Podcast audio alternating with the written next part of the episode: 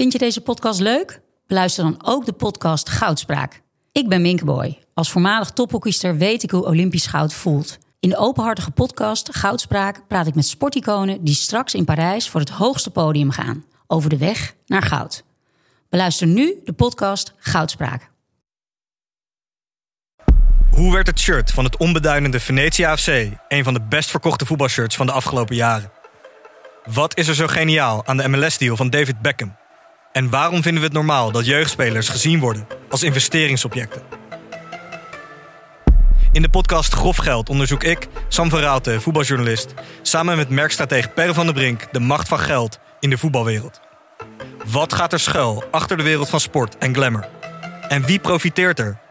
Luister naar Grof Geld en hoor hoe de Skybox de staantribune beïnvloedt.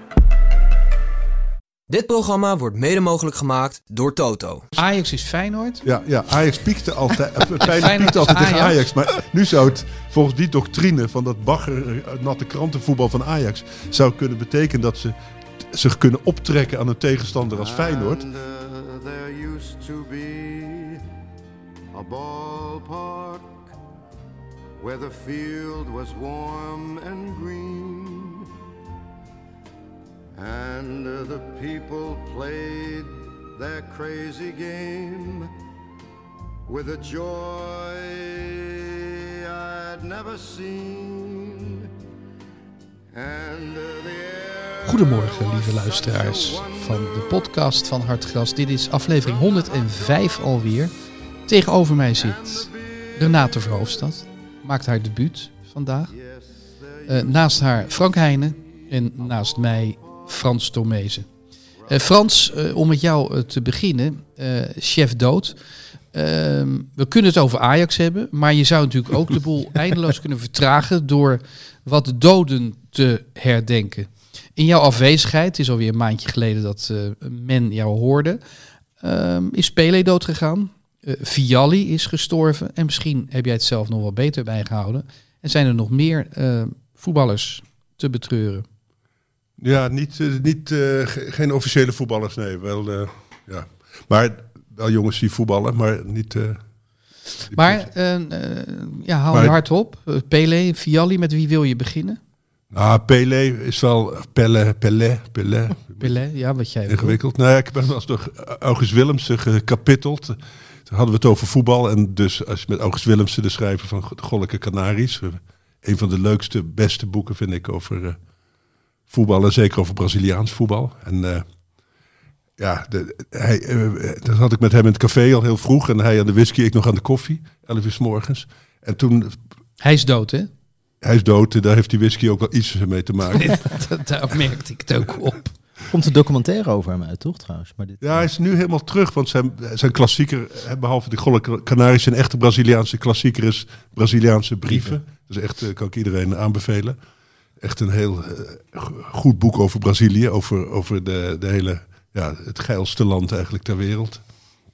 En de allerlei opzichten, dus die gretigheid van dat land. Dus dat is, ja, hoewel dat nu weer een ander daglicht staat met die bestorming van het eh, parlement. Maar goed, eh, die geilheid, die, geilheid, geil uit. zoals iedereen weet, geilheid heeft weinig hersens en richt zich ook wel eens op de verkeerde object. Maar goed, dus die eh eh, Pelle. eh, Uitspraak, zal- zoals ja. als, Maar het is dus officieel Pelé. Pelle, Pe- Pelle. Ja, het is, ja, alles doen ze zo eh, Ja? alsof ze klaarkomen, zou ik maar zeggen. Maar, het is, de, maar in ieder geval, eh, daar had ik met... en, en ja, voor mij was... Hij, voor hem was Garincha het allergrootste in, van het Braziliaans voetbal. En voor mij Pelle. Was dat zoiets als dat je vroeger, in de jaren 60, zei dat keizer beter was dan Cruijff? precies. Je wilde niet... eh, het was zo, ja, zo'n flauwe keuze om... voor de eh, hand liggend. Ja, en het is natuurlijk voor de hand liggend, omdat het ook voor de hand ligt. Dus het is niet voor niks ligt het voor de hand, omdat hij ook waanzinnig... Ik, ik heb hem in 1970 voor het eerst gezien, dat was in zijn nadagen al. Ja, dat, daar, eh, in Mexico werden ze eh, voor de derde keer wereldkampioen. Ja, hij, hij- wat, wat Maradona, zeg maar, eh, voor, voor jongere kijkers voor het eerst deed, deed hij toen al. Hè, makkelijk iedereen voorbij lopen en eh, als hij Ja. wat vergeten was, ging hij weer terug en liep hij ze nog een keer voorbij. En eh, ja, waanzinnig en met een versnelling en, en een handigheid. En En net zoals Cruijff trouwens, kon hij alles. Hij kon ook heel goed keepen, want ik was zelf keeper. En ik had ook een foto van hem gezien dat hij gestrekt naar de hoek ging. En dat wil wat zeggen, want hij was geloof ik maar 1,73 of 1,63, ik weet niet. Heel klein mannetje. Dat deed Cruijff overigens niet. Hè? Die heb ik ook wel zien keepen op trainingen. En die haalde er alles uit. Het was de tijd hè? van, Ja. Van Basten. Maar die dook niet. Maar die stond positioneel gewoon zo goed opgesteld. Ja, maar hij was ook, hij, als hij niet voetbalde, Cruijff, eh, eh, honkbalde die. En dan was die catcher, hè? dus Ja. hij ving alles. En Ja. dan zeggen, hij had een soort oog-handcoördinatie die krankzinnig moet zijn geweest ook. Hey, zijn er goede eh, necrologieën verschenen over Pelé? Frank, misschien ja, heb jij dat ook mooiste nog die ik bijgehaald. las was in de trouw van Rob Veldhuis. Met, daar, daar, die kwam het dichtst bij mijn herinnering aan hem. Want ik was toen, toen in 1907 was ik 12. Toen las ik nog al, allerlei voetbalboeken. Nu ook wel eens, maar toen echt, eh laat ik zeggen, alsof het de Bijbel was. En, en mijn, een van mijn lievelingsboeken ging over eh Pelé in die tijd van Santos. Maar trouwens, eh, dat is- hij heeft altijd bij Santos gevoetbald tot, tot in zijn nadagen toen hij naar de Cosmos ging in New York. Maar goed, hij... eh, ja, da- ik, dan heb ik het even kwijt trouwens. Nou ja, ik vroeg eigenlijk, is er een goede necrologie? Ja, voor Rob Veldhuis. Ja. die heeft dat, dat verhaal, weet je wel, met zijn vader, die ook voetballer was, maar niet zo goed als hij. Dodinho, wel een goede voetbalnaam trouwens. En die, ik, ik vond, ja, wat van die gegevens waar ik mijn vingers bij aflik altijd. Dat hij schoenpoetser was, maar zelf op blote voeten voetbalde. Dat soort dingen, ja, dat, dat geeft het.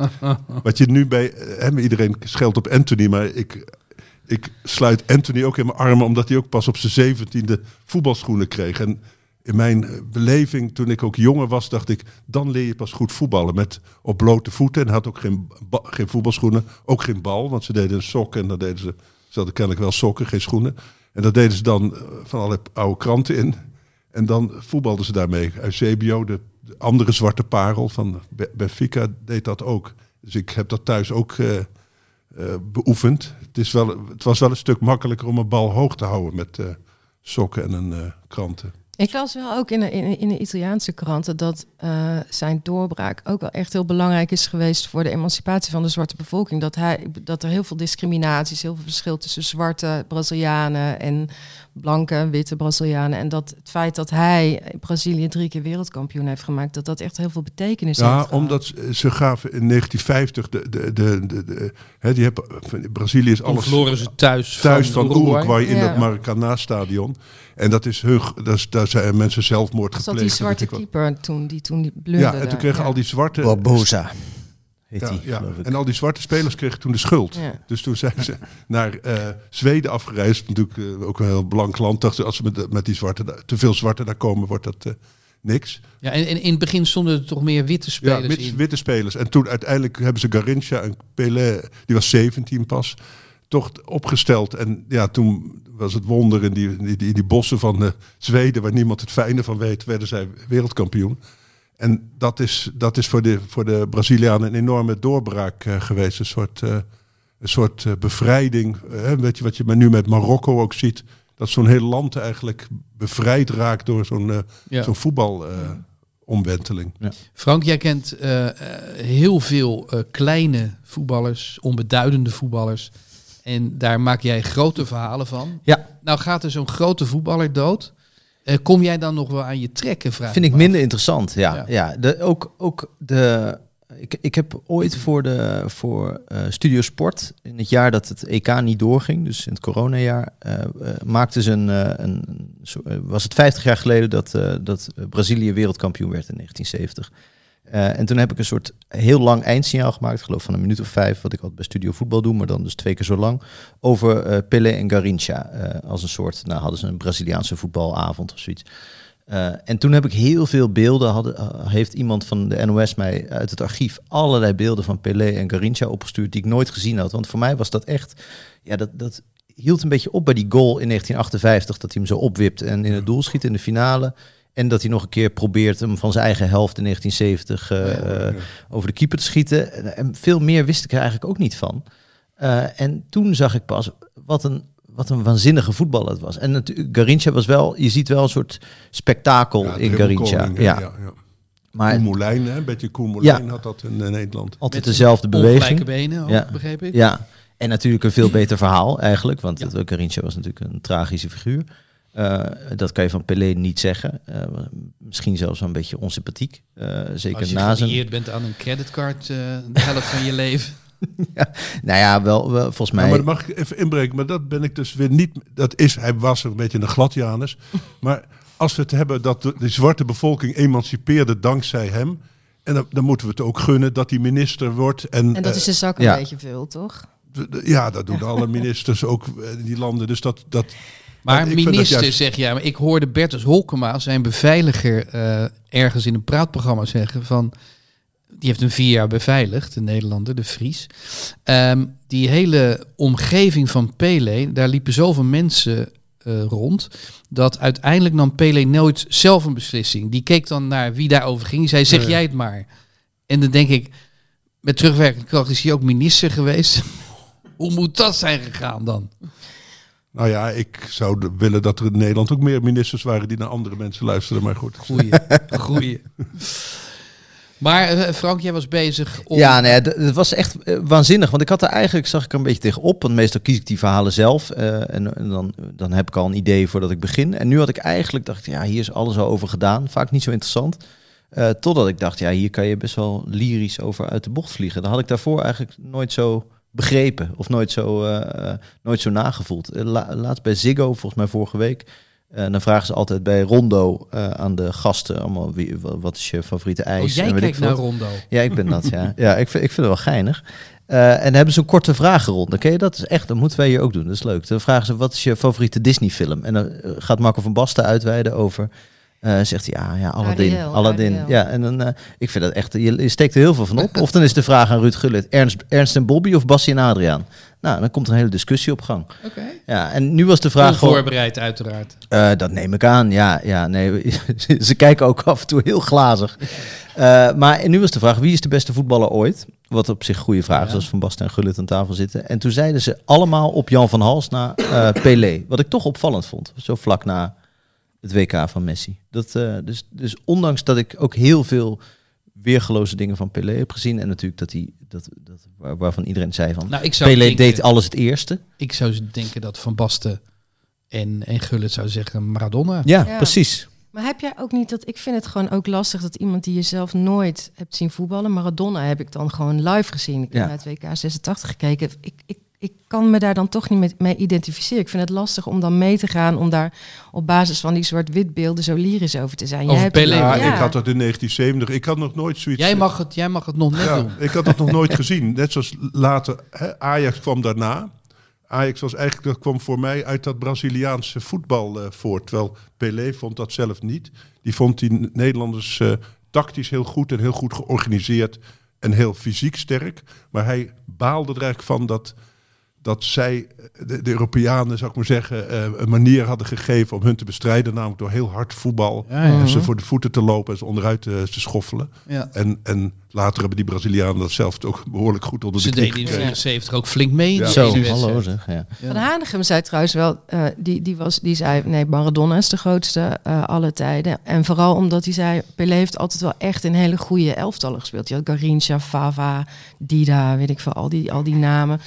En dus die zei van ja, Maradona heeft toch in zijn eentje ploegen kampioen gemaakt, zoals Napoli. En, eh, Ja, dat wordt altijd het, eh, gezegd. dat, dus hè? die was toch beter. Het is Nee, maar net welk Barcelona- criterium je aanhoudt natuurlijk. niet. Ja, maar dan Nou. kun je dat dadelijk nog een of andere eerste divisieclub. eh, en, hè, de, dat heb je ook wel trouwens. Letizier hè, van de Southampton. Ja. Dat is voor sommige kenners ook de beste voetballer aller tijden. Erik van der Leur, ja, Ja. weet je. Ja, Ja, je hebt er een heleboel voorbij eh, laten komen. Oh ja, komt in Franks. En, ja, allemaal van die lokale helden. Ja, nee, dus dat, dat criterium gaat natuurlijk niet zo vaak op, want je moet het gewoon eh, aan de top doen. En met, aan de top speel je met, met topspelers. en het dus- is een teamsport. Ja, ja, ook dat. Ja. Dus het, eh, eh, ik weet niet, op mijn niveau, eh, de beste spelers met wie ik gevoetbald heb, zijn toch ook jongens waar je zelf beter van ging voetballen. Ja, En de- dat is het criterium. Cruijff liet ook iedereen die rondom Cruijff speelde, werd ook beter. En bij Maradona was het alleen maar Maradona, Maradona natuurlijk. Hè. Dus dat kan je ook zeggen. Het is een klein nadeel. Voor mij ging er een wereld open. Ik ging, nadat mijn kruisbanden gescheurd waren, ging ik nog een beetje zaalvoetballen. En dan voetbalde ik vaak met ex-profs. En toen dacht ik, oh, zo makkelijk is voetbal. ja, ja. Want ik had me natuurlijk alleen maar omringd met stakkers zoals ik zelf was. ja, daar gaat het voetbal niet erg van uh, Kun je je niet verschuilen. Als Dus je ik speelde wel eens met Benny Wijnstekers. Of eh, Geert den Oude. Natuurlijk eh, op zich geen spectaculaire voetballers. Maar je wil niet weten wat dat scheelt, man. Ja, Dat is zo lekker. ja. En dan waan je je ineens een, eh, nou ja, bijna een profvoetballer. Ja, nee, dat helpt dus heel erg. En ik denk dus bij Pelé dat dat ook eh, niet te onderschatten is. Dat, die speelde wel met hele goede voetballers, maar die werden ook beter van hem natuurlijk. Ja. Eh, weet, ik veel, Carlos Alberto en al die spelers uit de jaren 70, Rivellino, waren natuurlijk geweldige voetballers, maar ook dankzij hem. Ja. Ehm, nou, dan hebben we Vialli nog, Ja. Renate. Ja, Dat mag Italiaans. deskundige. mag ik los? Ja, jij neemt eventjes, jij bent assistent-chef dood vandaag. Ja. ja, met heel veel plezier. Heb je, Ja, heb je hem ik ooit echt- gesproken? Ik heb, nee, nee, ik heb hem nooit gesproken. Ik heb hem wel een keertje gezien op Corverciano. Dat is zeg maar het Zeist van Italië. Dat is Ja. net buiten Florence. Daar heb ik lang gewoond. En ehm, ik, ik heb me echt helemaal gelaafd deze week aan de rouw. Ik heb alle kranten doorgespit. Ik heb, ik vertelde net tegen Frank, ik heb echt eh, ruzie gehad met mijn man. Dat ik onder de dekens met mijn telefoon tot echt twee uur s'nachts allerlei filmpjes op YouTube aan het bekijken was van Vialli, vooral uit de tijd bij Sampdoria. Met Mancini samen in de spits. Ja, dat was echt. eh, als je Komt dat misschien omdat jouw man, Engelsman, niet voor Chelsea? Nee, die is van Manchester. Is geboren in Macclesfield, net onder de rook van Manchester. Nee, maar ehm, ik, als je het dan over Pelé hebt... Ik, ik had het ook bij de dood van Cruijff. Dat, dat is natuurlijk heel erg groot en, en, en eh, verdrietig. Maar omdat ik Cruijff zelf niet zo actief heb meegemaakt... had ik daar minder mee met dat overlijden dan nu met Vialli. Ik denk omdat je zelf een beetje wordt teruggecatapulteerd naar die tijd... naar je eigen Wonder Years of zo. Dat was eind jaren 80, begin jaren 90. Ik volgde alles van het Italiaanse voetbal... Ja, Sampdoria werd ineens kampioen met, met een elftal met Mancini en met, en met eh, Vialli. De Gemelli del Gol werden ze genoemd. Dat was begin jaren negentig? ja, Ja, ja. 91 zijn ze toen kampioen Ja. Geworden. Die hebben toen een beetje dat nare WK 1990 van zich afgeschud, waar ze eigenlijk allebei geen rol eh, speelden. Ja, je had daar ook die Kale, weet je wel, die Lombardo, en Lombardo, eh. Fiergowold en ja, Fiergo, Paljuka, ja. Paljuka Abdul. Fiergold, en, dat eh, was een soort angsttegenstander van Marco van Ja. Basten. Die schopte hem altijd helemaal lek. Klopt. Ja. Ja, en dat was gewoon, dat shirt was te gek. En het was ook, Blauw met zo'n rood-witte streep. Ja, waanzinnig. Eh, en ehm, ja, dus en hij was ook iemand, eh, want ik heb hem natuurlijk een beetje aflopen vragen waarom heeft hij dood er zo ingehakt eigenlijk in Italië? Want het is niet zo dat dat Hij aan een bui- alvleesklierkanker. Ja. Heeft hij trouwens nog lang volgehouden. Want meestal sterven mensen ja. binnen een jaar. Hij heeft nog vier, vijf jaar daarmee geleefd. Ja, vijf jaar. Vijf jaar heeft hij ermee geleefd. Wel alcoholgerelateerde kanker ook, hè? Ik weet niet of hij dat... eh, Volgens mij niet. Volgens niet, mij eh, hield hij wel van een safje, eh, rookte volgens mij af en toe wel, maar eh, volgens mij was dat geen grote drinker of zo. Wel echt, dat is, ik denk dat wat ik er ook, wat mij er aan greep of zo, of waarom ik, waarom ik me daar een beetje in ondergedompeld heb, is dat hij is ook wel iemand, iemand die heel erg voor, dat is een super open deur en cliché, maar hij was wel een beetje la dolce vita. En zo'n zo'n man die een ruimte kon vullen en, en, en, en gulzig naar het leven, weet je wel, ook met een soort energie en levenslust op dat voetbalveld staan. Er zijn echt, zelfs als je geen Italiaans spreekt, zou ik aanraden om op YouTube te gaan zoeken naar filmpjes van het kampioensfeest van, eh, van eh, Sampdoria. Dan staat hij met het hele elftal op een podium. Dan zingt hij Lucio Battisti. Ehm Canzone del Sole, wat een fantastisch nummer is. Heel poëtisch ook. Hij kan voor geen meter zingen. Maar, en dan zie je Mancini zie je een beetje achter Vialli kruipen. En die pakt dan heel af en toe pakt hij de hoofdrol. Maar degene om wie het draait is echt Vialli. En die is eigenlijk nooit uit het publieke leven verdwenen. Dus na zijn, na zijn actieve carrière natuurlijk coach bij, bij Chelsea geworden. Ehm, daarna is hij eh, analist geworden bij Sky Calcio Show. Dat, dat is zeg maar het, het- nou ja, de, de, de, het ESPN van Italië. En dat was in een, een periode dat ik net in Italië kwam wonen. Mijn Italiaans was nog niet zo goed. En hij was, sprak in zo'n mooie volzin. Ik heb echt ook Italiaans leren spreken door hem. was echt een fantastische eh, spreker. Met echt eh, geweldige dictie en kon dat heel goed uitleggen. En was gewoon goed verstaanbaar. Vergeleken met een voetballer in Nederland, wie zou hij dan zijn? Eh, Welke uitstraling? Welke... Nou ja, de, wie zou hij dan? Nou, misschien Juri Mulder, een klein beetje. En da- dat is misschien raar om te zeggen, maar hij deed dat ook wel met een soort terloopsheid. Niet te serieus nemen. Eh, maar wel heel goed de vinger op de zere plek kunnen leggen, dingen duidelijk uit kunnen leggen. Maar wel met ook de flair die wij toch niet zo hebben. Dat zit dan toch een beetje in het DNA van die Italianen ingebakken. Uh, dus er mooi opgeblonken bij zitten. En, uh, en hij zat dan samen met Massimo Mauro en met Paolo Rossi. Nou, dat was echt een geweldig trio. En um, nou ja, en hij, hij, is iemand die. Um, ja, ik denk dat iedereen zegt dat EK nog wel herinnert van vorig jaar. Dat de Italianen ja. boven zich uitstegen. Dat is ook echt dankzij. Hij was, hij was toen teammanager? Ja, hij had een soort. Was en geen assistent trainer. Ja, Mancini was de baas. En je ziet ook heel erg die vriendschap is natuurlijk heel erg uitgevent hè, en heel, heel, erg geanalyseerd. En, en die beroemde omhelzing na afloop van die wedstrijd, dat ze allebei in traan zijn. Ja, daar, daar is deze week ook van gezegd in Italië van. Iedereen herkende zich daar natuurlijk een beetje in, omdat dat, daar zitten tranen in van 40 jaar mannenvriendschap, alles met elkaar meegemaakt hebben. Uh, uiteindelijk gaat voetbal dan gaat dan meer daarover. Hè? Het gaat meer dan over, over vriendschap dan om die bal op de paal of, of, of die hoe penalty. groot, de... hoe groot is die dood daar uh, uitgemeten? Hoeveel nou ja, pagina's stonden 29 pagina's in de Gazzetta. dat is groot. 29 pagina's in de Gazzetta. Uh, oh. uh, Italianen, ze hebben het heel erg lastig gevonden. Hij is getrouwd met een Zuid-Afrikaanse, woont al sinds de tijd bij Chelsea, woont hij in Londen. En zij zijn heel erg privé. Dus, uh, dus er zijn ook geen Instagram-accounts van zijn vrouw of van zijn kinderen. Dat vindt Italië natuurlijk heel erg lastig, want die willen graag die dood omarmen. Die willen graag met z'n allen rouwen. En in een kerk, uh, oud spelen, zie de kist naar binnen en naar buiten dragen. Is dat niet gebeurd? Nee, nee. Hij is, hij, ik weet niet eens of hij al begraven is. Ik zit zelf ook steeds te googlen of ik daar... met selfies. Ja. ja. ja. Ja, nee, dat, dat heeft hij, heeft hij uh, niet toegestaan. Dus hij is uh, erg beweend de afgelopen ja. week. Maar in Italië weten ze niet eens of hij al begraven is of niet. Hij is in ieder geval in Londen in uh, besloten kringen gebeurd dat. In een van die, op een van die 29 pagina's is daar nog beschreven dat hij in de clinch heeft gelegen met Ruud Gullit. En hoe zat dat ook alweer? Um, dat was in de tijd van Chelsea. Ja, hij is door Gullit natuurlijk naar Chelsea gehaald. Want Gullit heeft ook nog bij Sampdoria gespeeld, toch? Klopt. Dat ja. was nadat ja. Vialli naar Juventus is gegaan. Oh, ja. Dus die kwam eigenlijk daarna bij uh, Sampdoria. Ja, dat weet ik eigenlijk niet zo goed. Nee? Hij, is, hij, is, hij is gewoon op de bank gezet, toch? Uiteindelijk door Gullit. Daar, ja, daar ze is hij toch. Met elkaar in de clinch. Het staat mij nog mee, ja, Frank? Ja, ja, nee, dat klopt. Er werd ook wel even gememoreerd. Je zag wel van die beelden dat hij gepresenteerd werd. Door, volgens mij was, was hij ook een van de grote is natuurlijk een beetje het begin van de internationalisering van, uh, van, uh, van Chelsea met, met Vialli en Gullit. Ja, we praten en over volgt Vialli hem ook ja. niet op toen als trainer?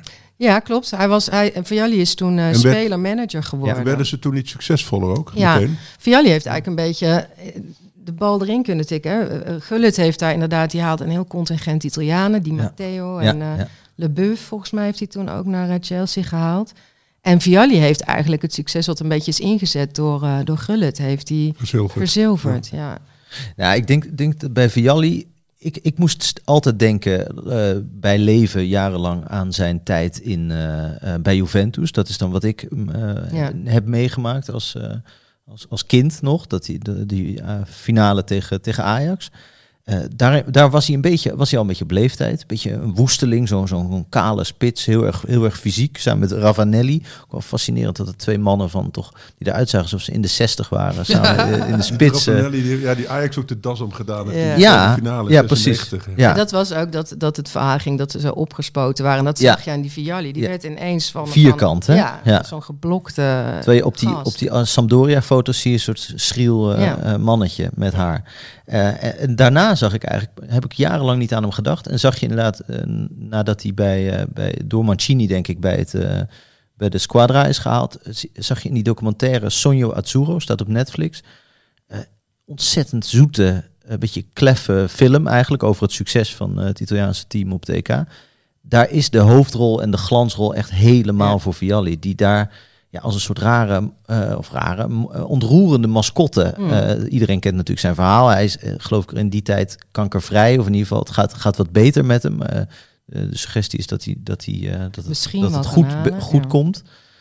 maar goed, de, de, er ligt natuurlijk wel een soort zwaarte op zijn aanwezigheid daar. Hij het is natuurlijk een, een ernstig zieke man die daar tussen al die jongens loopt. En iedereen voelt zijn, zijn belang en zijn zijn gewicht als het ware. En op een gegeven moment gaat hij dan een gedicht voorlezen aan de hele selectie. En toen moest ik denken van, stel je voor dat de, assis, de assistent-trainer van het Nederlands elftal of de teammanager nu eh, bij het afgelopen WK een gedicht gaat voorlezen. En dat al die spelers geëmotioneerd... Davids in dit geval. Ja, Ja. ja. Nou, David zie ik het eerder doen dan Danny Blind. Ja, Ja. ja.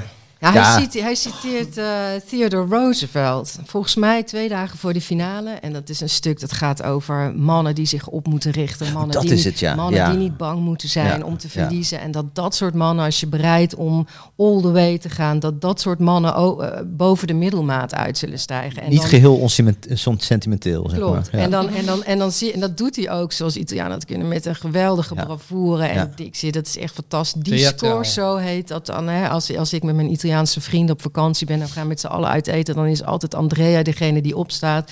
Dan wordt er tegen die glazen aangerinkeld. Die score zo, die scores. En dan gaan ze staan als een soort acteurs in een, in een in- door zichzelf geregisseerd eh, theaterstuk. En dat doet Viali ook. En dan Ja. zie je echt die hele selectie wetende dat die man die dat vertelt kanker heeft en het zelf misschien niet haalt en dat die ook dat heeft ge- meegemaakt, ja, dan zie je iedereen breken. Ja. Eh, en, en Viali eh, eh, veegt wat tranen weg. Ik heb de indruk dat hij een nationale figuur was. Hij was Absoluut, niet van ja, ja. ja. Sampdoria, maar Ja. dat is onbeduidend natuurlijk. Ja. Ja, ook een beetje een atypische jongen. want Hij kwam uit een heel rijk gezin. Zijn ouders Oh. woonden op een groot kasteel, net buiten Cremona. Eh, zijn vader had een aannemersbedrijf, geloof ik. Hij, hij wilde zelf architect worden. Dat, dat, hij- die, die droom heeft hij op een gegeven moment opgegeven om bij Sampdoria te gaan spelen. Maar toen hij bij Juventus al speelde, heeft hij uiteindelijk wel heeft hij zijn diploma als geometra ge- ge- gehaald. Dat is officieel is dat een landmeter, maar in Italië is dat eigenlijk een soort combinatie van architect. eh, ja, iemand die rondom de aankoop van een huis alles regelt, vergunningen of kleine. Bouwkundig ingenieur of zoiets. Zoiets. En eh, dat, dat, dat is in ieder geval voor voetballers ook wel een beetje atypisch. Dat je, dat je, dat je gewoon je studie nog afmaakt. Dus ja, wel een bijzondere figuur geweest. Lieve supporters Ja, van Ajax PSV. We hebben het lang gerekt. Luistert u nog? En dat zeg ik natuurlijk ook tegen de Feyenoord supporters. En die luisteren zeker nog, want die willen weten wat er in zo'n rampzalig weekend, voor de anderen dan, ehm, hier in de podcast besproken gaat worden. Eh, Frans, voel jij behoefte om af te trappen met Ajax? Ja, ja, ja. Was, als, het, nee, als we negatief, eh, eh, negatieve uitzending voor Feyenoord eh, zeiden, voor, voor de Feyenoordzijde willen doen, dan hebben we een heel verhaal. Want het was natuurlijk bedroevend. En de, hè, de wedstrijd tegen Twente. Ja. Dus wat ik het meest eh, onthutsende vond, dat Schreuder er zelf niks van snapte. Dat denk ik toch, je hebt zo'n team voorbereid en die gaan dan meteen... Nou, hij was verbaasd dat ze nerveus waren. ja, dat maar ze zo slecht begonnen. nou is dat nou juist een van de dingen die, die ik denk dat je als trainer moet, wegnemen. en moet zien ook. Ja. Hij heeft dat niet kunnen wegnemen. Ehm, Nee, ik denk dat hij ze eerder zijn eigen onzekerheid op die spelers overplant. Dat is wat ik zie. Ik, kijk, als je een trainer beoordeelt, beoordeelt hem allereerst nou, hè, welke spelers worden er beter, welke worden slechter. Wat zien we voor nieuwe dingen, welke nieuwe spelers komen erop. En bij hem zie je eigenlijk niks. Ja, Conceição, maar die heeft hij tegen, eigenlijk onder druk van de, van de supporters en alle blessures opgesteld. Dat is niet een, een bewuste keuze van ik ga Conceição... nee, even- Bergwijn had griep, dus Ja. dat, was, dat was makkelijk. en hij haalt hem dan na 70 minuten altijd weer uit, weet je wel. Dan heeft hij het eh, voor de supporters weer eh ge. Jij behoort tot het kamp dat zegt eh Schreuder wegwezen? Of? Ja, weg, tuur, het is natuurlijk nooit één iemand de schuld van zoiets. Hè? Dat is, maar het is natuurlijk wel zo dat hij niet, denk ik, de juiste man op de juiste plaats is. Op de juiste tijd. Of zeg je van, ah, joh, laat nog maar even zitten tot de klassieker... en dan heb je een goede reden om hem buiten te trappen. Nou, je moet iemand nooit ontslaan natuurlijk als je niks achter de hand hebt. Dus dat, dat Nou, lijkt- dat is een interessante vraag. Want ja, ik, ik pieker me suf. Maar hebben jullie opties mocht... Ik gun het niemand een ontslag. Maar mocht deze man de laan uit worden gestuurd... Wie moet het overnemen? Zeg het maar. Peter, Bos, Peter Bos wilde er niks over te zeggen. hè? Nee, dus dan weet je al genoeg. Nee, die vond het een asociale vraag. Ja, maar dan Ja. weet je al genoeg natuurlijk. Dan is die, die is natuurlijk wel gepolst natuurlijk. Maar Van Gaal. Komt Van Gaal nog terug uit Portugal. Als hij, Wauw, ja. Het is een serieuze optie als hij Zo. het zou willen. Ja, ik zou echt eh, meteen... eh, eh, waarschijnlijk zijn ze al geweest, toch?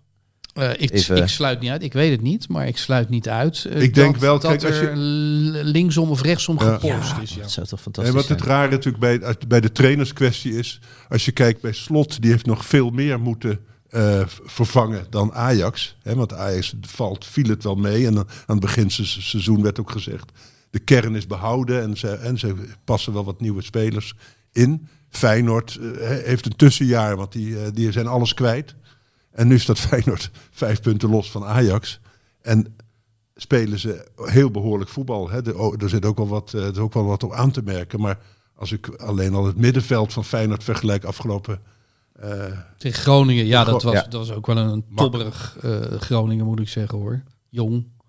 Maar Jawel, maar als je kijkt, Ajax had toch ook zelfs met Den Bosch toch wel de nodige moeite. Het was dat die Fit Jim zo lekker voetbalde. Hè, die eh, jongen, die uh, Wat een geweldige naam trouwens. Ja. Fitz Jim. Ja, wat ik dan wel grappig vind, is dat er dan toch wel links en rechts eh, wordt eh, geopperd dat Fitz Jim wel eens het antwoord op de crisis kon zijn.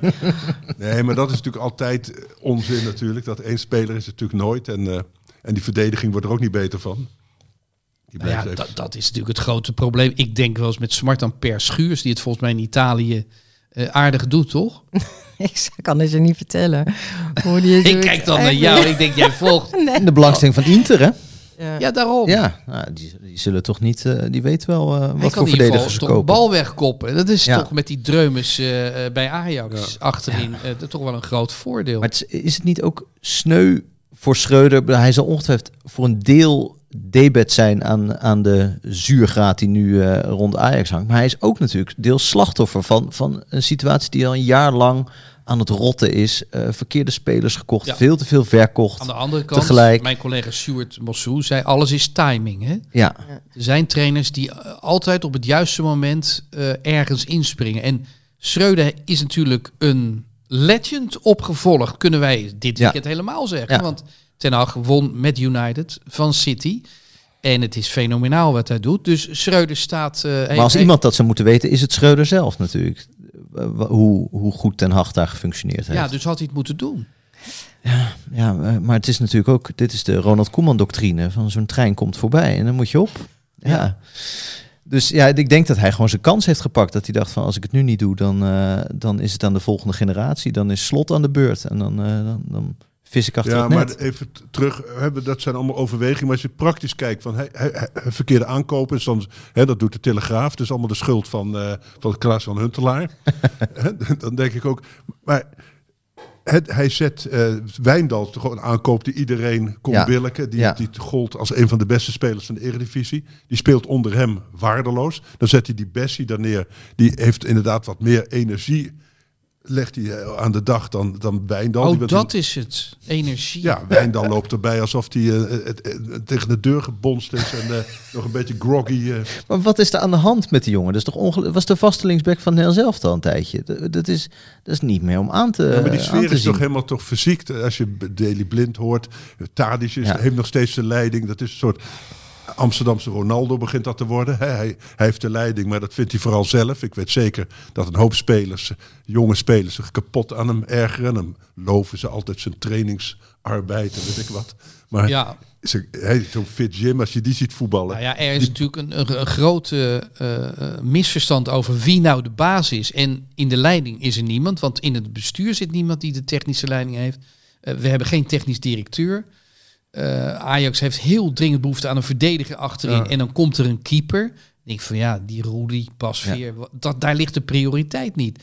Dus overal eh, is er een soort machtsvacuum. Inderdaad, Tadic probeert nog angstvallig eh, de schijn op te houden Ja.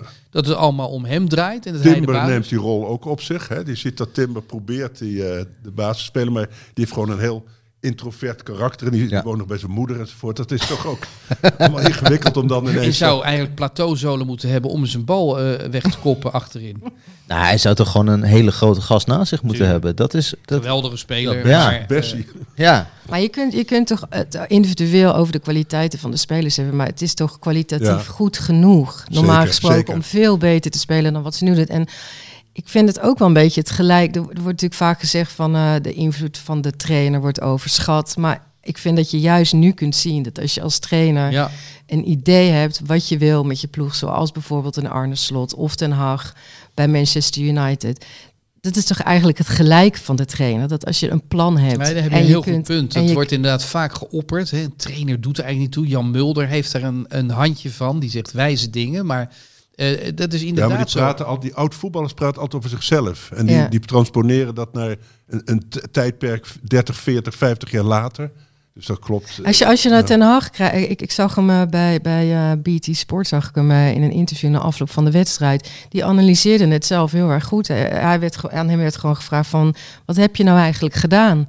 En, en hij zei gewoon eh, dingen opbreken, dus steeds bij hele kleine dingen beginnen op de training en dat proberen te verbeteren. Maar vooral een doel hebben als trainer, gewoon zeggen, hier wil ik naartoe met deze ploeg, dat leg je goed uit aan je spelers. Je zorgt ervoor dat ze allemaal daarin gaan geloven. En, en ja, hij, heeft, hij, hij wordt gewoon echt eh bewierookt. Hè? Het is echt ongelooflijk. Dus- Keihard werken. Eh, Er ook echt zijn om zeven uur 's ochtends, zoals Ja. Van Gaal ook doet. Ik geloof dat dat ook werkt. Nou, Daar dwing je respect mee af. Ferdinand, eh, Rio Ferdinand, die zat in de studio samen met eh Scholes. En eh, die zei, ik heb een paar spelers eh, gesproken. En die zeggen, en die hebben toch best wel, ik weet niet over wie het dan gaat, maar die hebben toch best wel een aantal trainers meegemaakt bij United. Die hadden nog nooit iemand meegemaakt, een coach, die zo bezeten was Ja. van het trainerschap. Maar zo Casemiro zei het Ja, ook. ja zei dat, bezeten ja. van Die ook doelpunten wat, winnen. ja. Zeker, ja. Ja. Zidane meegemaakt, bijvoorbeeld. Maar tegelijk, Ten Hag was praktisch ontslagen hè, een paar maanden geleden. Het begin was heel slecht. Zou dat zo zijn? Nou ja, de, de, de- het sentiment was heel erg negatief. Ik, eh, nou, Ja, was echt verschrikkelijk hè, met die eerste twee Ja, wedstrijden. precies. Brighton en, nou dan ben ik even die andere kwijt, met twee Ja. eclatante nederlagen. Het sentiment was toch in ieder geval in Nederland heel erg zo van, oh, hier is iemand zich Ik- ik heb enorm aan het overschatten Ik heb enzovoort. geschreven dat hij de herfstvakantie eh, zo niet zou halen. ik heb dat vandaag overigens herroepen. Ja, dat Ja. het heel dom was. Maar misschien is die, is die hele klucht rondom Ronaldo, eh, kwam hem wel goed Ja. uit ook, denk ik. En de Dat spelersgroep denk ik ook. Ja. Want dat is natuurlijk Ja. ook een, een ellende in zo'n spelersgroep. Want je kunt, je kunt Ronaldo niet gaan piepelen. Dat, dat, kan, hè, dat, dat lukt je niet. Nee. Terwijl hij wel een van de slechtste spelers was. Ja. Maar waarschijnlijk uitblinker in eh Saoedi-Arabië, denk je niet? Denk het wel, ja. Alleen niemand ziet het. Nee. Ehm, dus wij zi- zijn tot de conclusie gekomen dat het een vak is. Eh, Slot beheerst dat, Ten Hag beheerst dat. En eh, gaan we naar Schreuder kijken, dan hebben wij hier onze twijfels. Nou ja, als je zag En tegen Twente ons- vond ik wel interessant. Want het is natuurlijk, hè, als je zou mogen kiezen aan het begin van het seizoen... wie wil je van Twente hebben en wie van Ajax... ik denk dat er weinig spelers van Twente ge- gekozen zouden zijn. Maar ze- op het veld waren ze allemaal, die Ajax-spelers, de baas. En dat had toch te maken ook met hoe ze als team spelen. Als je ziet, Mm. Wat mij opviel bij, bij, bij Twente, als ze bal kwijt zijn, hebben ze heel snel terug, omdat ze rugdekking geven. Bij Ajax geeft niemand meer rugdekking. Dus als iemand de bal kwijt is, zijn ze hem ook kwijt. En dan kan Twente, Twente kon meteen 20, 30 meter opstomen. Maar kun je nu zeggen, hè, Ajax staat vierde geloof ik, gedeeld met PSV, dat Ajax het niet gaat worden omdat eh, dit geen team is en je moet echt teamgeest hebben om ver te komen? Nou, ik denk dat, dat tot voor een paar maanden geleden je zou hebben gezegd, zelfs als Ajax geen team is, worden ze alsnog kampioen, omdat ze gewoon veel betere spelers hebben in principe. Maar blijkbaar kunnen ook dat soort spelers eh, er helemaal niks meer van bakken. Je zou zeggen dat je met Tadic, Brobby, Bergwijn en Berghuis in principe altijd kampioen wordt in Nederland. Maar dat is dus kennelijk niet zo, zeker niet als, als eh, de helft er niet, niet bij is. Ik blijf het overigens wel echt de lol vinden van voetbal. Dat maakt het Ja. vooral voor iemand. Ik kom uit Waalwijk, weet je wel. Ik ben gewend om nooit iets te winnen met een Wolk. voetbalclub. En dat je dan, de, weet je, ik, ik hoor iedereen nog zeggen eh, tot voor twee jaar geleden: dit Ajax wordt de komende twee jaar, Ja. tien jaar met twee Ook vingers in de neus. Begin dit seizoen nog, hoor. Heb ik beweerd. Ja. Ja. En, en hoe lollig en hoe leuk is het Nu dan staan er dat vijf ploegen, vijf ploegen staan er toch Ja. op de... Ja. Het Bayern München van Nederland. Inmiddels Ja. heeft Bayern München alle Ajaxiden eh, overgenomen natuurlijk. Maar die spelen toch niet altijd daar? Nee, nee, die hebben gewoon gedacht, we, we moeten ook een goed eh, tweede team hebben. Ja. Ehm, jongens, eh, de klassieker eh, is natuurlijk de wedstrijd van de week. Eh, dichten wij Ajax eh, toch nog, het is toch Ajax, enige kans toe? Nou ja, je moet het nu gaan omdraaien. Vroeger, Feyenoord, hè, die speelde een hele seizoen slecht, maar tegen Wacht even, Ajax... Ajax, is Feyenoord. Ja, ja, Ajax piekte altijd, eh, Feyenoord Feyenoord piekte altijd tegen Ajax. Maar nu zou het volgens die doctrine van dat bagger, eh, natte krantenvoetbal van Ajax... zou kunnen betekenen dat ze zich kunnen optrekken aan een tegenstander als Feyenoord... en zich ineens eh, boven zichzelf uitsteken. Hoe dan? Hoe dan? Nou ja, dat, dat, is, dat, dat is inderdaad... De strijd- mysterieuze kracht in Nou het ja, sport. strijden voor elke meter natuurlijk. Hè. De- de- Nu, als je nu ziet bijvoorbeeld, hè, met- bij de aanval begint het al. Ze- de- de- Dit klinkt heel wanhopig, Frans. Strijden om elke meter. Nee, ja, nee, de, de Ajax kan op wat ik dat vond ik tegen Denk je Twente dat wel. Feyenoord- Het enige wat ik goed aan hen vond was dat ze zich niet gewonnen gaven. Daarom werd het 0-0. Want je, we bekijken van Ajax perspectief heel slecht, maar eigenlijk is van Twente natuurlijk belachelijk slecht dat ze niet gewonnen hebben. Nee, zeker. Na een half uur was, was het pijpje leeg daar om een of andere reden.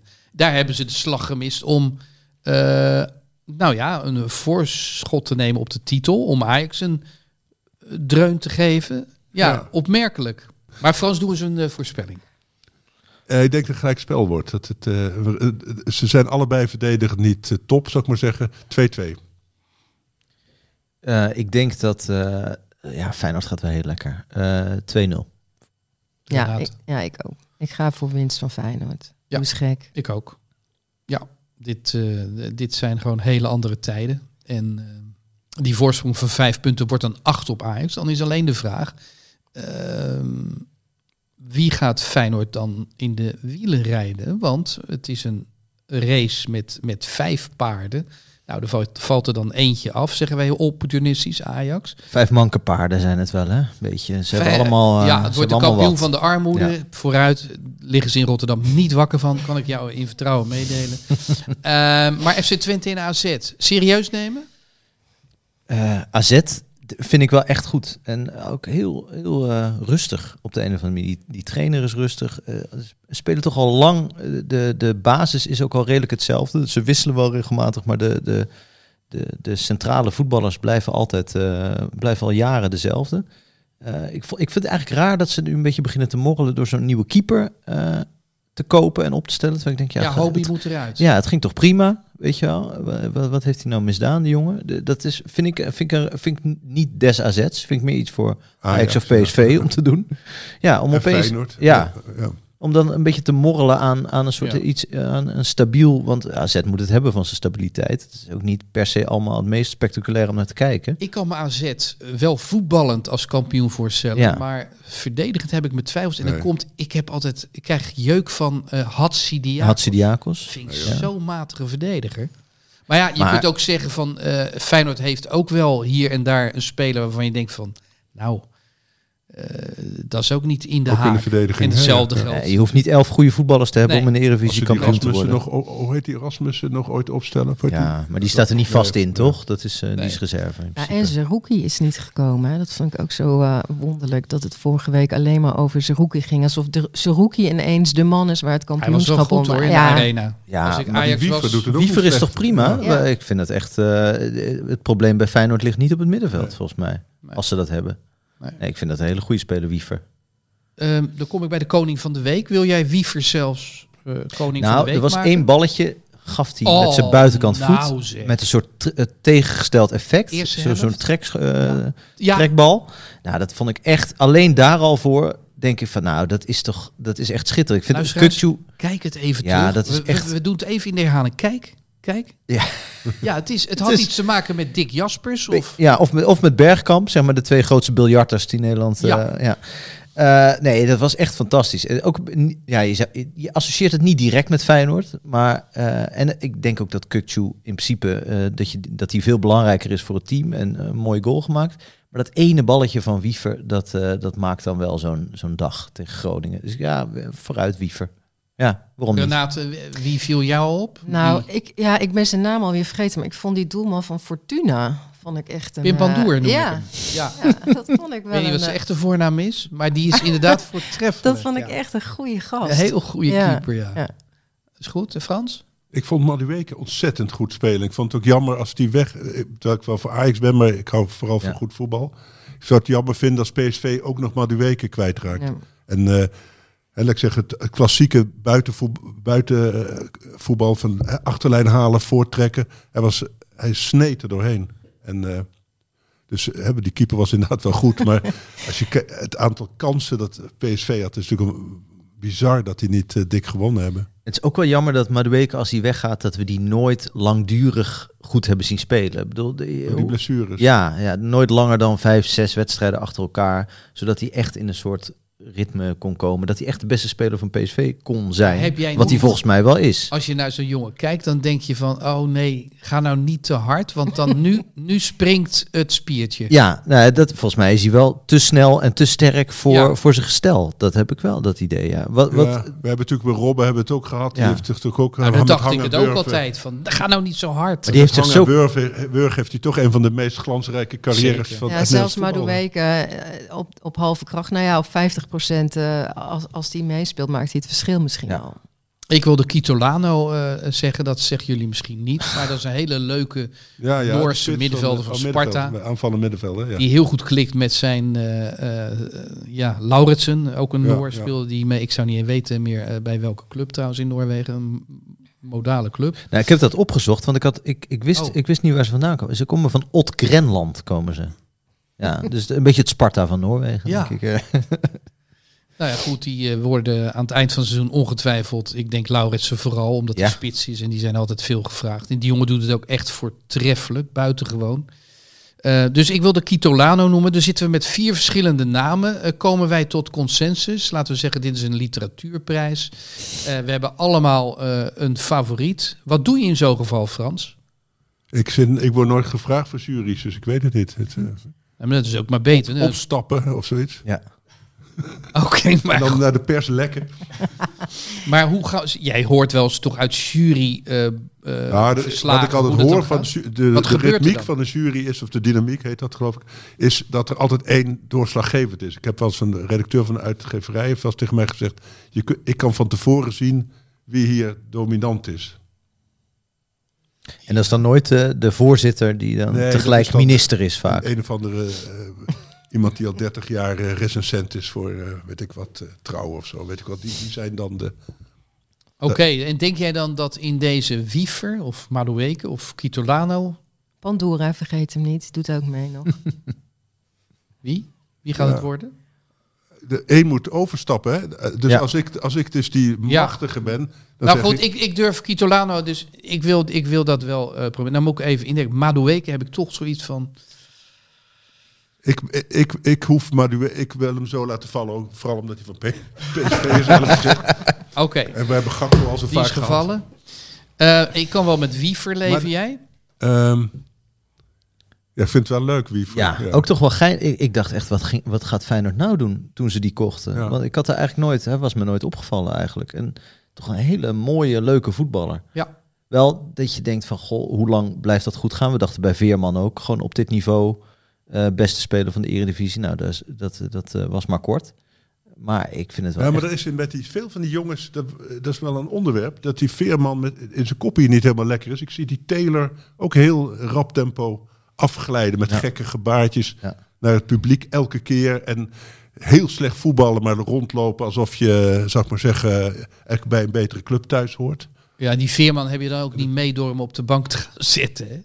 Die wordt er niet gezelliger op. Nee, maar hij, is ook, hij moet ook snappen dat hij bij PSV niet de man is. Kijk, die Xavi Simons, die doet dat veel beter. Want die is wel natuurlijk een bepalende speler elke keer. Dus het was, terwijl je ook dacht, zo'n junior mag blij zijn als hij mee mag doen.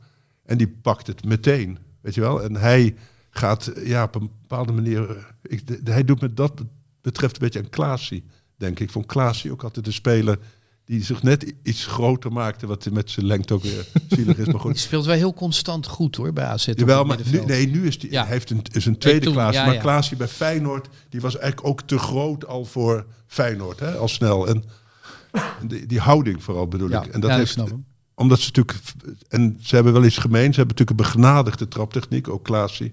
En Veerman, die kunnen echt zo, die kunnen een bal, zou maar zeggen, op de stropdas leggen, zoals het heet. Dus dan, dan ben je al gauw arrogant, want elke bal die jij krijgt, je denkt, geef hem aan mij, want ik, ik doe er iets beters mee dan... eh, Ja, Eh, hij het, hij eh, had daar bij Feyenoord kunnen spelen, hè? Veerman trouwens. En, en eh, ja, hij heeft uiteindelijk eh, is hij niet gekomen omdat ze ook iets te veel vroegen. En toen heeft PSV, PSV hem gepakt. Maar was het beter als hij bij Feyenoord? Nee hoor, dan had Had Kuksu Slot- voor de voeten gelopen. Ja. Kuksu die is natuurlijk de, de- de- die, die deelt daar de lakens uit. En bij PSV is Sangaré de dominante man op. Hè, hij moet het wil het dan zijn, maar Sangaré die eist natuurlijk die verovert ballen, die is natuurlijk veel bepalender op het middenveld dan hij. Hij heeft natuurlijk af en toe mooie mooie paas of een, soms een mooie passeerbeweging. Ja. En een schot, een goed schot, maar het is natuurlijk veel beperkter. Maar we kiezen Wiever. Kan jij daarmee Ja. Ik leven, kan er volledig mijn leven. Ja, Ja, maar het gaat natuurlijk om, toch bij, bij voetbal ook om dit soort balletjes, om dit soort momenten. Eh, Over Klaasie gesproken, ik zal nooit vergeten, ik, bedoel, ik, ik zie niet alles van hem, maar dat hij in de NL zelf al een keer een paasje gaf op Van Persie, dat was ook zo'n, nou, dat, dat is even, ja, echt zo'n, zo dwars door het midden, dat was zo'n waanzinnige paas. Nou, ja, sindsdien heb ik gewoon Klaasie altijd hoog zitten, dus toen die bij NL zelf Ja, dan ik weer weet niet of dit terugkwam verstandig is, want de grijze eminentie die nog in eh, Frankrijk zit, die is eh, niet zo'n fan van Klaasie, eh, heb ik altijd begrepen. Dus dit kost jou aanstellingen, dit kost jou uh, Als Henk, beurten. als Henk gewoon één keer per dag even dat filmpje terugkrijgt van Klaasie met die bal op van Persie. Ik weet niet meer tegen wie het was. Ja, eh, maar dat, dat is zo mooi. Een trekstoot à la Wiever. Ja, dan kan hij weer een hele dag vooruit, Henk. Dat weet ik zeker. Overigens echt de beste voetballer van Europa op dit moment. Die loopt echt bij Napoli rond. Hè. Zijn naam is onuitspreekbaar. Georgië. Maar ik heb, ik heb die niet normaal. Ik heb die wedstrijd tegen Juventus gezien afgelopen vrijdag. Echt opgerold met 5-0. En die, en die Osimhen, ja. die Nigeriaan. Ja, en die spits. Kvaratskhelia, of hoe je het dan ook uitspreekt. Ongelooflijk. Het is Blue Monday vandaag. Als je jezelf een beetje op wil beuren, ga die wedstrijd terugkijken. Varadonna. Waanzinnig. Maar daar Maradona wordt hij Want genoemd. het is toch wel de, eh, het gesprek van de trainers, want ook die Spalletti, Spalletti, moet dat toch gedaan absoluut. hebben. Dat het kan toch niet anders, want Ja. op papier is dat toch ook geen topteam, zou ik maar zeggen. Hè? De- Nu wel inmiddels, maar dat was Maar het dat is een hele goede trainer. Dat weet ik toevallig omdat Henk Versteen een vriend van mij is. En die heeft heel nauw met hem samengewerkt in eh, Rusland of Oekraïne. Ja. Die zei, eh, dat is een ongelofelijke eh Ja, goede trainer. goed. Nee, maar net Sparta hebben we het net eh, alleen over die speler gehad, maar die Stijn dat is toch Ja. ook... Ja, ja nee, dat, eh, dat kan toch niet anders? Want het, Sparta is toch niet ineens, hebben die een, eh, een wonderselectie gekregen? Nou, sterker nog, die verdediging van Sparta, die dateert gewoon uit eh, van vorig jaar en die jaren daarvoor. Toen stonden daar Vriends en Ouassar in het centrum. Op links had je Pinto. De Ja. enige die is veranderd is Abels. Die is vervangen nu door Sambo. Die is gehuurd van PSV. Ja. Ehm, dus het is eigenlijk krankzinnig dat je zo soeverein kan voetballen nu met dezelfde defensie als Ja. waarmee je in de problemen eh, kwam. ja.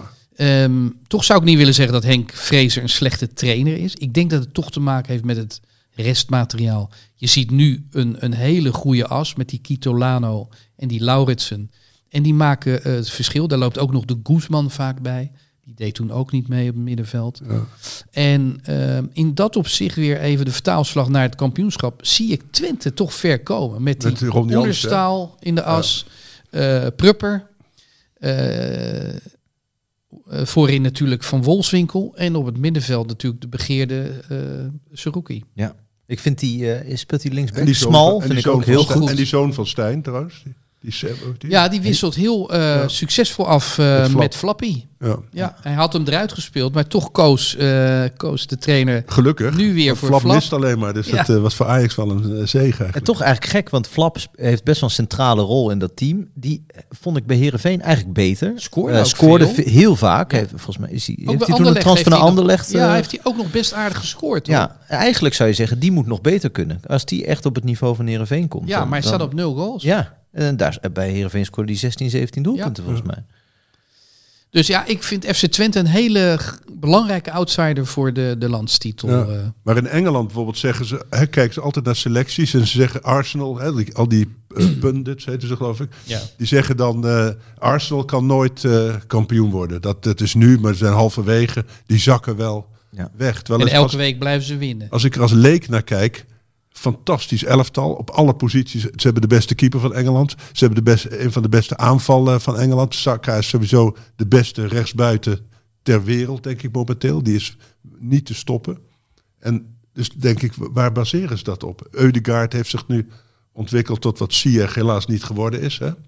Ja. Iemand die achter de aanval en rondom de aanval alles eh, verdeelt en regelt. Maar de theorie is denk ik dat, op, dat als Arsenal, als Eudegaard en Saka eruit gaan, dat, je, dat het in elkaar zou kunnen storten. En dat bij City of bij eh, eh, Liverpool, maar ja, goed, dat is Nee, misschien een slecht Liverpool voorbeeld klaar. nu. eh, dat die gewoon min of meer gelijkwaardige Ja, vervangers zouden City kunnen wel, inbrengen. natuurlijk. City Ja. hebben natuurlijk het tweede team van City zou ook het bovenin mee Ja, hè? precies. Ja. Ja. Nou, City gaat ook niet echt lekker. Die hebben ook wel een soort identiteitscrisis eh, nu. Hè? ja, zou dat niet toch een beetje met het WK te maken hebben? Dat al die, Nou, Haaland. eh, dat zo'n hele selectie... Ja, maar ja, Haaland die heeft ook aanvoer met- nodig ja. natuurlijk. eh. Ja, maar dat hadden ze heel goed uitgelegd bij BBC Sports. Daar zat ik naar te kijken. Onder andere Ian Wright zat daar.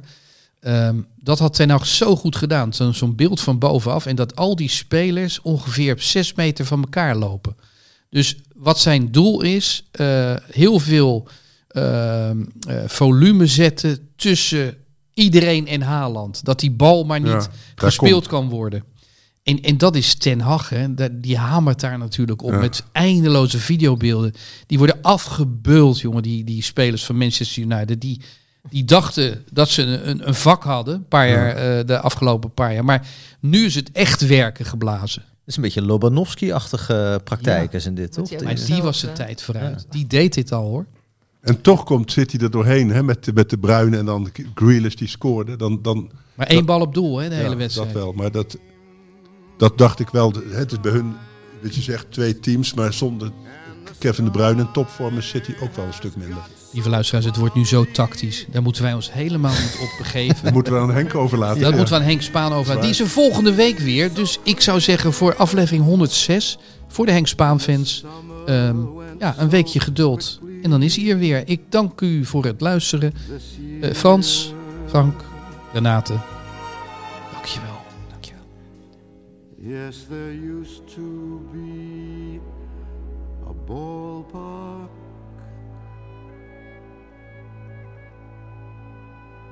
right here.